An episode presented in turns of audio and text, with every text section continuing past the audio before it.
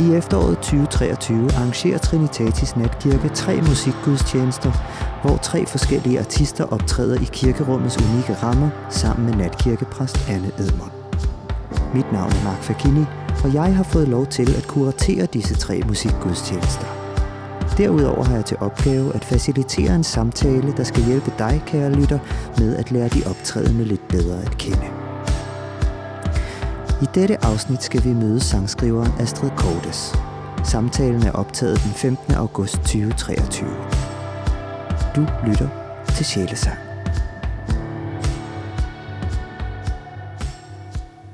Velkommen til natkirkepræst Anne Edmund og Tak. sanger, sangskriver, musiker Astrid Kortes. Tak skal du have, Mark. Det er dejligt, at I er her. Og vi er jo samlet, fordi at øh, der skal foregå en musikgudstjeneste af en art i Trinitatis Natkirke.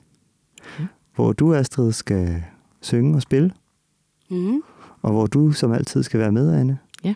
Og som det jo så hører sig til, så har du jo lyttet til Astrids musik allerede nu. Det har jeg. Vil du ikke øh, fortælle lidt om, hvad du har oplevet?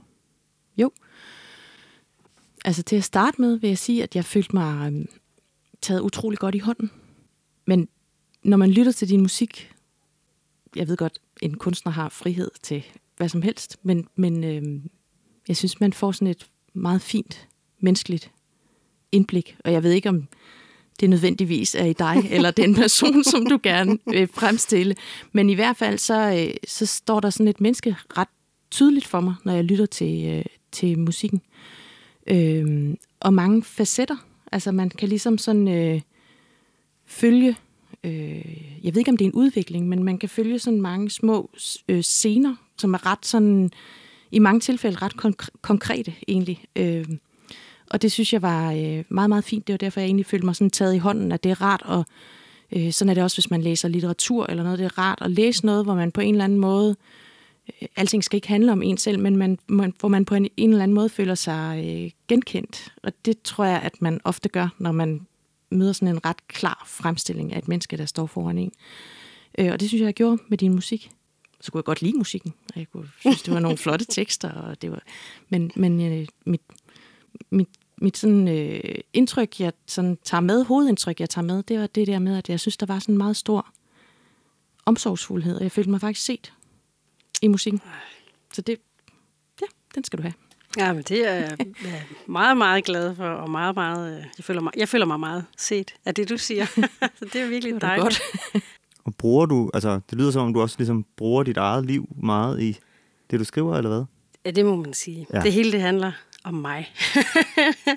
Men det øh, handler jo ikke om dig på den, altså det, det var egentlig det, jeg synes, der var så fint, fordi det bliver ikke privat, altså det bliver ikke sådan noget, der er også noget generelt i det, som man kan genkende. Ja. sig selv i, og det, det, det er faktisk den balance, der måske tit er svær at, at finde, men som jeg synes, du finder rigtig godt. Det er jeg meget glad for, at du siger, fordi man kan sige, der er jo to måder, eller sådan, hvis man sådan skal være lidt grov, er der to måder at skrive tekst på, for den ene er, er sådan meget øh, prosaisk og sådan, altså beskrivende, og en, som er mere filosofisk og, og billedrig. Og jeg er helt klart, øh, jeg dyrker helt klart den første. Men der er balancen nemlig, at det ikke kommer til at handle øh, for meget om mig, eller at jeg ikke bliver for, for øh, at jeg ikke overskygger lytterens eget øh, indtog. Øh, og så længe det ligesom handler om, ikke hvem jeg er, men hvordan jeg har det, så tror jeg, at man kan spejle sig i det.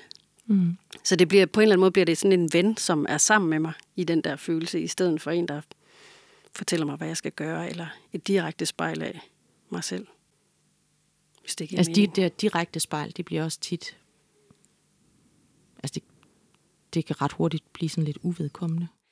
Ja, og det er jo, helt, klart- det er jo forskelligt, hvad, man, hvad der resonerer i, i, i os. Ikke? Så, så der vil helt klart være nogen, som du vil tænke, de, de, der føler du ikke, de har noget på spil, og så vil jeg måske Ja. synes, det var en kæmpe oplevelse. Men man kan sige, for mig tror jeg ofte, at, øh, at øh, hvis vi snakker det der med, om, om, om, det, om man kan mærke det, eller om, der, om det vil noget, eller sådan, der tror jeg tit, at jeg ser det som, om man er, altså, om jeg kan mærke, at, at musikken har en indre motivation hos musikerne, eller om den har en ydre motivation. Altså det der med, om det, Ja. Om det, har, om det har betydet for noget for dem at skrive den her sang for sangens skyld, eller om det har betydet noget for dem at, at, at skrive musik og udgive det, fordi det skulle noget andet for dem. Det synes jeg kunne være spændende at lige snakke lidt mere om, men øh, skal vi ikke lige høre et stykke musik først? Jo. Astrid, jeg ved godt, det kan være lidt svært, men kunne du være frisk på at vælge et af dine egne stykker musik, vi skal høre? Ja, det vil jeg meget gerne. Mm. Jeg vil altid meget, altid meget gerne have, at der er nogen, der hører musik. Ja, fedt. øh, og jeg har faktisk øh, lige... Ja, det er jo... Nu afslører jeg mig selv at sige, at det her det bliver jo ikke sendt øh, live, det er jo en podcast. Men når det her, den her podcast udkommer, så har jeg lige udgivet en sang, som hedder Surrender, som handler om at overgive sig til livet og til sine omstændigheder. Yes. Yes. Surrender. Ja. Den kommer her.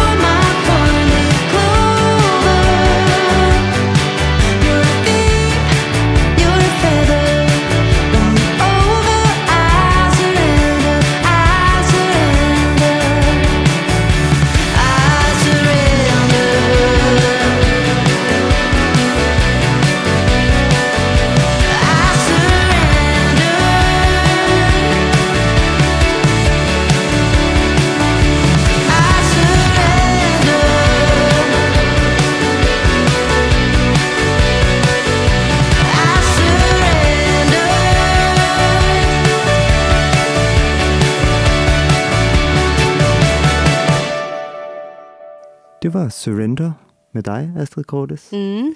Og øhm, inden vi hørte den, så snakkede du om noget med indre og ydre motivation for at skrive musik. Øhm, vil du ikke lige repetere for mig, hvordan du adskilte det?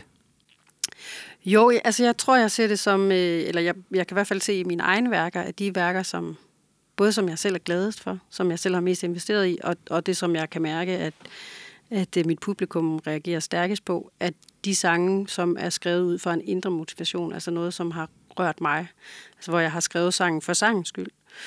Og de numre, som måske, som jeg ikke selv resonerer så meget med, som mit publikum heller ikke gør, eller andre folk heller ikke gør, det er dem, jeg har skrevet, hvor jeg har tænkt på, at et pladeselskab, eller et publikum, eller nogle andre skulle synes om det. Altså hvor musikken ligesom havde en funktion i verden, udover bare at være sig selv.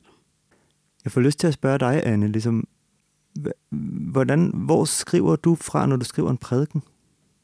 Øhm, det kommer an på, hvad, hvad for en gudstjenesteform vi taler. Fordi i natkirken, det, det, øhm, det er anderledes i natkirken, fordi der, der er de ting, som jeg øh, skriver, og de ting, som jeg læser i natkirken, det er helt klart ud fra en indre motivation af, altså hvad der ligesom kommer frem, når jeg hører musikken. Mm. Øhm, og det er enormt... Øh, det er enormt spændende, og det er meget sådan... Øh, det kan også være svært, faktisk, en gang imellem. Fordi det kan også... Nu skal jeg lige... Øh, vil du ikke lige prøve at spørge igen? Jo, jeg, jeg var egentlig for at spørge ind til sådan dybest set, hvad din proces er, når du skal skrive en prædiken. Altså, hvad for et sted du skriver fra, fordi at jeg tænker, at det kan være svært, når det ligesom på den måde er på bestilling, så kan det være svært at måske altid at have en indre motivation. Ja, men det er det, er, det, er det også, fordi, øh, fordi teksterne jo mange gange, når man skal skrive en prædiken, er lagt fast. Det er ikke mig, der bestemmer teksterne. Mm. øh, altså de bibelske tekster. Der er jo ligesom en tekstrække, som jeg skal gå ud fra, hvis vi taler om en gudstjeneste i, altså en højmesse om søndagen. Øh, men, men der er også en, altså der er jo også en indre motivation, der driver det, fordi jeg tænker, hvor, hvor, hvad, hvad klinger de her tekster? Hvordan klinger de i mig, og hvad er det for noget, der, øh, hvad er det for noget, der springer frem foran mig, når jeg hører de her tekster? Hvordan kan jeg formidle det videre? Men det er jo på bestilling. De ting er på bestilling, så jeg holder faktisk ret meget af at lave de netkirkearrangementer. Øh, fordi det er, det er meget mere frit, hvad man kan finde frem. Men det gør det også sværere, at det er frit. Altså, øh, ja men, men det er mere, øh, det har mere sådan umiddelbar følelsesmæssig relevans ofte, de ting, som, som vi laver i natkirken. Ikke at jeg ikke mener og, og, og er drevet af noget indre i, i, en, i en højmesse, når jeg skal sidde og skrive ud fra en fast tekstrække, men, men det, er en anden, det er en fuldstændig anderledes proces, kan man sige. Ikke? Altså, Jeg tænker, at den må svare lidt til, når jeg skal spille koncerter, og jeg skal ud med mit bagkatalog. Altså, så er der ligesom også, der er nogle sange, jeg skal spille, som jeg ligesom skal... Øh, de er jo skrevet måske for, altså men, for to år siden, eller for 10 år siden, eller for 15 år siden. Mm. At, at øh, man skal ligesom øve sig i at gøre dem relevante for sig selv. Og jeg oplever i hvert fald øh, ofte med mine sange, at noget, jeg har skrevet, hvor, jeg- hvor jeg var et helt andet sted i mit liv, øh, når jeg læser dem igen, eller hører dem igen, eller spiller dem igen, så kan det lige pludselig betyde noget andet, eller altså, Ja. lige pludselig så giver de mening ind i den kontekst, som jeg er i nu, eller som verden er i nu. Det tænker jeg, at oplever du også det med, med de der, fordi det, jeg tænker, Ja. der er jo et årsjul, der, er, jo- der må jo være nogle tekster, du bliver nødt til at forholde dig til igen og igen og igen, ikke? Jo, men det er der også. Øh, men det er egentlig mere... Altså, det, det er også derfor, det er svært. Man kan ikke, man kan ikke, man kan ikke genbruge en prædiken, fordi man er et andet sted, når man læser den der tekst, eller hører den der tekst igen. Men det er også noget af det fine, der er ved... ved øhm, altså, som jeg faktisk godt kan lide ved, ved højmessen, det er, at, at, at de tekster, de, øh, når, man, når man bare læser dem, så tænker man, jamen det er bare nogle fortællinger om... Altså, men der er så meget dybde i de tekster. Så for eksempel, så... Øh, jamen, jeg kom til at tænke på en af teksterne nu her, da jeg sad og lyttede til din musik, som jeg aldrig nogensinde ville have, altså, egentlig have tænkt i den sammenhæng. Og det, det er fordi, så sidder jeg lige og på søndag skal jeg prædike over den, og så, sidder jeg, så har jeg den sådan præsent i mit hoved, og så, så pludselig giver den relevans i en sammenhæng, hvor jeg tænker, det var da egentlig mærkeligt, at den gjorde det. Og nu jeg bare lige ganske kort, det er en fortælling om øh, en skriftklog, en farisæer, som, som står i templet. Øh, og ved siden af ham, der står der en øh, toller, som var sådan virkelig illeset på det her tidspunkt, fordi de drev skat ind for romerne. Mm. Øhm, og de står øh, ved siden af hinanden og beder til Gud. Og tolleren siger, tilgiv mig, arme menneske, at, øh, at ja, tilgiv mig. Og, og øh, farisæeren siger, øh, jeg takker dig Gud, fordi at jeg er en retfærdig mand, og ikke er som ham der, der står ved siden af. Ikke? Øhm, vi har så mange facetter i vores personligheder, som ikke, så man kan ikke bare sige tak, fordi at jeg er et retfærdigt menneske, eller tak, fordi at du vil gøre mig til et bedre menneske, fordi vi har også alle de andre ting. Altså, mm. På den måde kommer jeg til at tænke på den tekst i sammenhæng med. Og, og måske, er det, øh, måske er det sygt, men sådan er det bare tit med de der bibeltekster, at de lukker sig op, og så er det sådan en lille bitte, måske kan det være to ord i en tekst, hvor man pludselig, så bliver der lukket en helt, altså så kan dine sange blive lukket op på grund af de to ord, eller jeg kan lukke bibelteksten op på grund af mm. to ord fra dine tekster, eller, altså, så der er hele tiden det der spil, og det, det er enormt, øh, og det ved jeg faktisk ikke, om, det kan man, om man kan kalde det en indre, for at vende tilbage til spørgsmålet, det er enormt svært at klargøre, om det er en indre eller en ydre motivation, Fordi noget af det er jo ydre, men noget af det er bestemt også indre. Altså. Jeg har det i hvert fald rigtig meget sådan, at jeg tror, jeg vil have meget svært ved at adskille en indre og ydre motivation mm. på Om en eller anden måde. for det er alt det her ordgyderi, jeg lige Jeg var jo nok ikke kommet hen til den konklusion, hvis ikke du havde sagt alt det der, apropos det, du lige sagde. Men øh, fordi for mig så flyder det jo nemlig enormt meget sammen, blandt andet det der med, om jeg skriver noget for min egen skyld eller for andres skyld. Det er jo sådan, det kan ligesom skifte hver femte minut, mens jeg sidder og skriver, føler jeg næsten. Ja, okay. Kan du godt omfavne, kan du godt lide det? Eller sådan, Ja, ja. ja. Altså, eller, det er ikke noget, jeg kan lide eller ikke kan lide. Det er bare sådan, Det jeg oplever, at det, Ja. ja. det er på en eller anden måde. At, at øh, jeg kan være... Ja, det måske tager udgangspunkt i et eller andet, jeg selv føler eller oplever. Men så kommer der jo også sådan noget... For eksempel, hov, hvordan gør jeg lige det her på en måde, hvor det ikke bare bliver noget, jeg skulle skrive i min dagbog, men bliver noget, som nogle andre måske kan læse deres eget, eller nogle andre, mm. de kenders liv ind i. Eller sådan. Så der er jo sådan en bevidsthed, hvis man ved, man udgiver musik, for eksempel. Ja. Jamen, det kan jeg også godt forstå. Jeg tror også, det er måske også øh, vigtigt at få sagt, at min proces jo også er delt op i nogle forskellige faser. Mm. Og, og skrivefasen, altså der, hvor jeg skriver selv, altså teksten, melodien, akkorderne, sådan helt skelettet til sangen, er tit der. Men jeg bruger også rigtig meget at også samarbejde med andre mennesker. Altså når jeg ligesom føler, at jeg har, nu har jeg en idé, som er klar, eller en tanke, som jeg gerne vil dele med nogen. Øh, så jeg, jeg, jeg bruger rigtig meget det der med, at folk udfordrer mine idéer og, og, øh, i, i en kreativ proces, og jeg holder virkelig meget af det på den måde. Men der er det helt klart, der er det jo ekstremt selektivt. Så er det jo min, min kæreste, jeg spørger, om han vil læse teksten, eller min producer, som skal, du ved, ind og, ind og se, om han synes, at akkordprogressionen er, er helt så forløsende, som jeg, jeg tror, den er, når jeg bare lige hører det for mig. Øh, Så der kommer den ydre verden ind, men lidt senere på en eller anden måde for dig, i, i sådan som du arbejder. Ja, men det er jo hele tiden kurateret af, af, af, af min følelse eller min oplevelse. Jeg tror, mm. lige, så- altså, det der med det ydre for mig handler om, at sådan, du ved, jeg på et tidspunkt prøvede at skrive en uh, sang til et uh, japansk uh, boyband, og det kunne jeg slet ikke... Altså, det, så tænker jeg, "Jamen, så skal man, man skal gøre sådan her, og sådan her, mm. og så skal det lyde på den her måde, og så, du ved, hvis radioen skal spille det, så skal det være sådan, og så, altså, du ved, den der form for ydre motivation, hvor det ligesom, Så det kom, det hvor det er nogle andres ikke så meget om det. og om, ønske, og, nej, ja, ja, lige præcis. det var ikke så meget det. Opgaven var der ikke nødvendigvis noget galt med, men det var mere de tanker, man så kan have om, Ja, ja. hvordan man skal løse sådan en opgave. Eller hvad. Ja, ja, det var jeg bare ikke særlig god til. Nej, ja. Og der er nogen, der er super gode til Ja, ja, det, og som får skrevet noget fantastisk musik. Der er masser af virkelig gode sange, som er skrevet på bestilling. Der er jo nogen, der virkelig nyder det der med at, Sætte få bestillingsopgaver.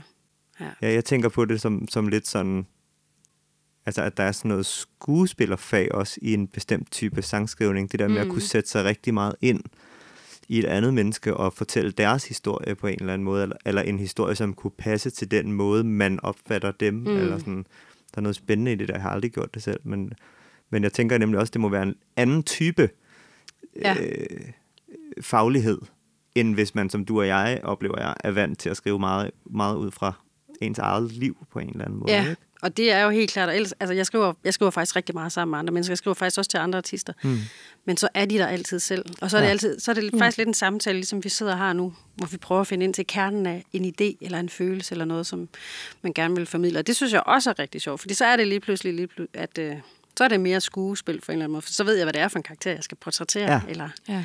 ja, så kan Men så er, I også, så er der også et eller andet pu- punkt, jo, hvor man, Jamen, hvor man præcis. mødes, hvor man, hvor man også selv er med. Ikke? Altså, ja, Nu har du jo en forkærlighed for David Bowie, ved jeg, Anne. Det, ja.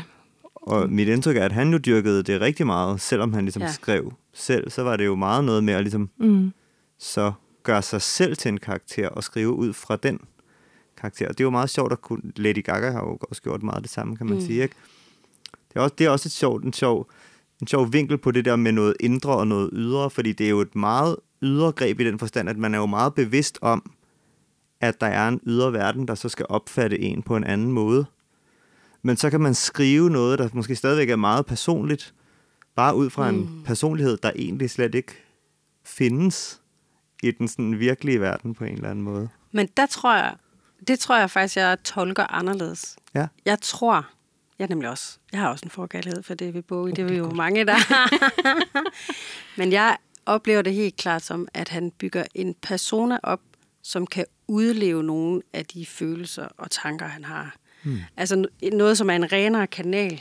Altså noget, som sådan, du ved, måske kan det være nogle svære emner. Han havde blandt andet han har skrevet en masse sange om sin bror, som havde psykisk sygdom. Øh, og du ved, sådan nogle af de der sådan mere ekstreme ting, som måske kan være svære at skulle bære som, som pri- privatperson, kan man måske, når man tager en persona på den måde, kan man få lov til at i tale sætte det på en, på en helt anden måde. Altså, der man kan være ret ekstrem, når man lige pludselig er en anden. Øh, det kender jeg også nogle artister, som, som, som dyrker. Og det, jeg er dybt fascineret af det. Altså, Jeg synes også, han er, altså hvis vi nu lige tager ham, så er det, at jeg synes, det er ret fascinerende med ham, fordi det bliver jo sådan en, det bliver også en samtale om, hvad en person overhovedet er. Mm. Altså, om man som person har en kerne, eller om der ikke ligger en, en altså, sådan opfatter jeg i hvert fald meget de der øh, personer er hos ham, som sådan en, at der ligger nærmest en frihed i ikke at være en person. Altså, så det er ikke mm. sådan, så det er, at han inde bagved er en eller anden kerne, eller det er en opfattelse af, at vi måske som mennesker ikke, ikke nødvendigvis har en, en kerne inde bagved, men at, at vi, kan, vi, kan, vi kan manifestere os i de der forskellige øh, personer. Ja, eller måske, ja, vi måske i virkeligheden er dem alle sammen. Ja, Eller sådan, Nemlig, altså, altså. ja. Så det er sådan nogle, øh, ligesom sådan nogle øh, opskud af, nu er det sådan her, og mm. nu er det sådan her. Altså, og det, altså, det er enormt interessant også i forhold til sådan, altså, menneskelighed og et frihedsbegreb, og, og, øh, og også ind i sådan en, øh, altså det er jo, det er der i hvert fald nogen, der vil synes er problematisk i forhold til sådan en, en kristen tankegang om, altså øh, også i forhold til sådan, altså hvad, hvad man kan bære af, altså der ligger jo sådan en, der ligger i hvert fald en mulighed for sådan en ansvarsforflygtigelse i sådan en tankegang om mennesket, ikke? At, at, man ikke, øh, at man ikke har en kerne. Det synes jeg ikke nødvendigvis, der behøver at gøre, vil jeg så sige. Men, men, mm. men, øh, men, men det er ret interessant i forhold til sådan hele, hvis man i hvert fald tager sådan den, det bliver meget nørdet, ikke? Men, men det er sådan hele den vestlige tankegang, øh, eller i hvert fald den vestlige øh, kristne tankegang om mennesket, som er sådan meget baseret på skyld, og øh, mm. vi har forbrudt os, og, øh, og det er den enkelte, der ligesom øh, forbryder sig, men der er alligevel en, en kollektiv skyld, men det er den enkelte, der må bære den, og så videre.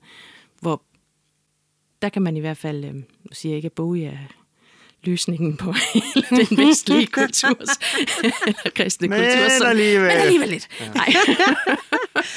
men men der, er, der ligger en frihed i at tænke om mennesket på den måde, som, som, som jeg opfatter, han gør. Ja. Jamen, jeg synes da også godt, at jeg kan tage det...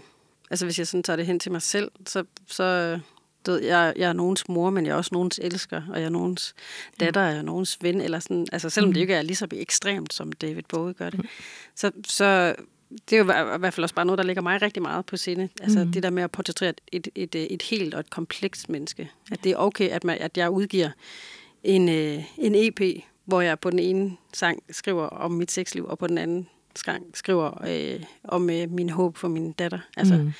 Sådan er vi jo som mennesker. Vi er jo det hele. Og, ja, det er de der polaroid-shots, der er.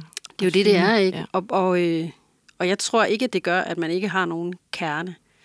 Jeg tror bare, at man sådan er en, det ved jeg ikke, et prisme. Ja.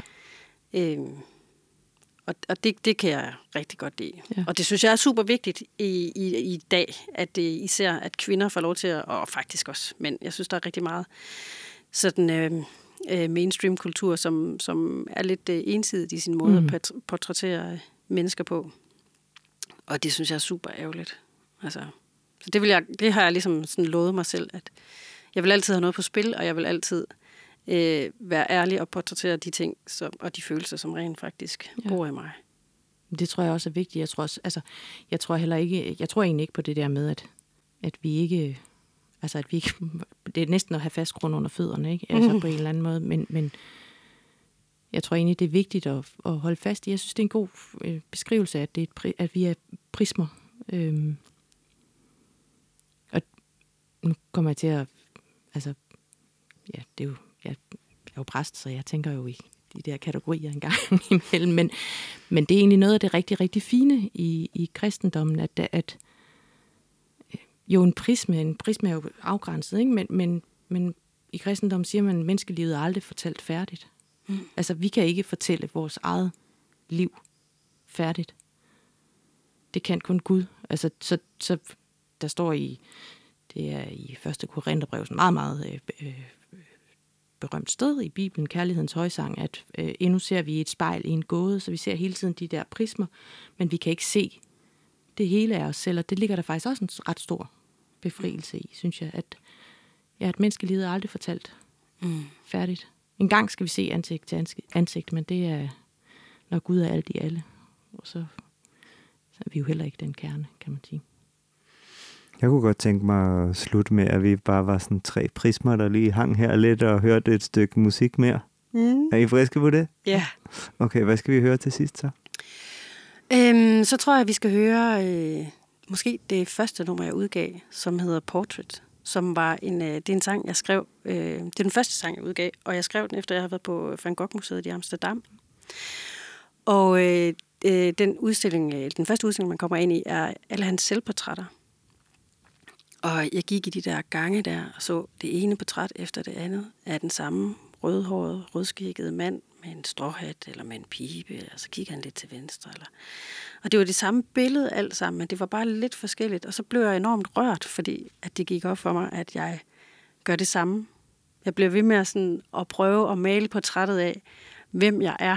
Altså jeg bliver ved med at prøve at fange prismet på en eller anden måde. Og kommer aldrig i mål. Jeg, jeg kommer aldrig til at fortælle min egen historie. Øh, og så gik jeg hjem og skrev det her nummer, Portrait, som handler om det. Jeg synes, det er meget passende, at vi slutter af med det nu. Wow, tusind tak. Vi hører Portrait.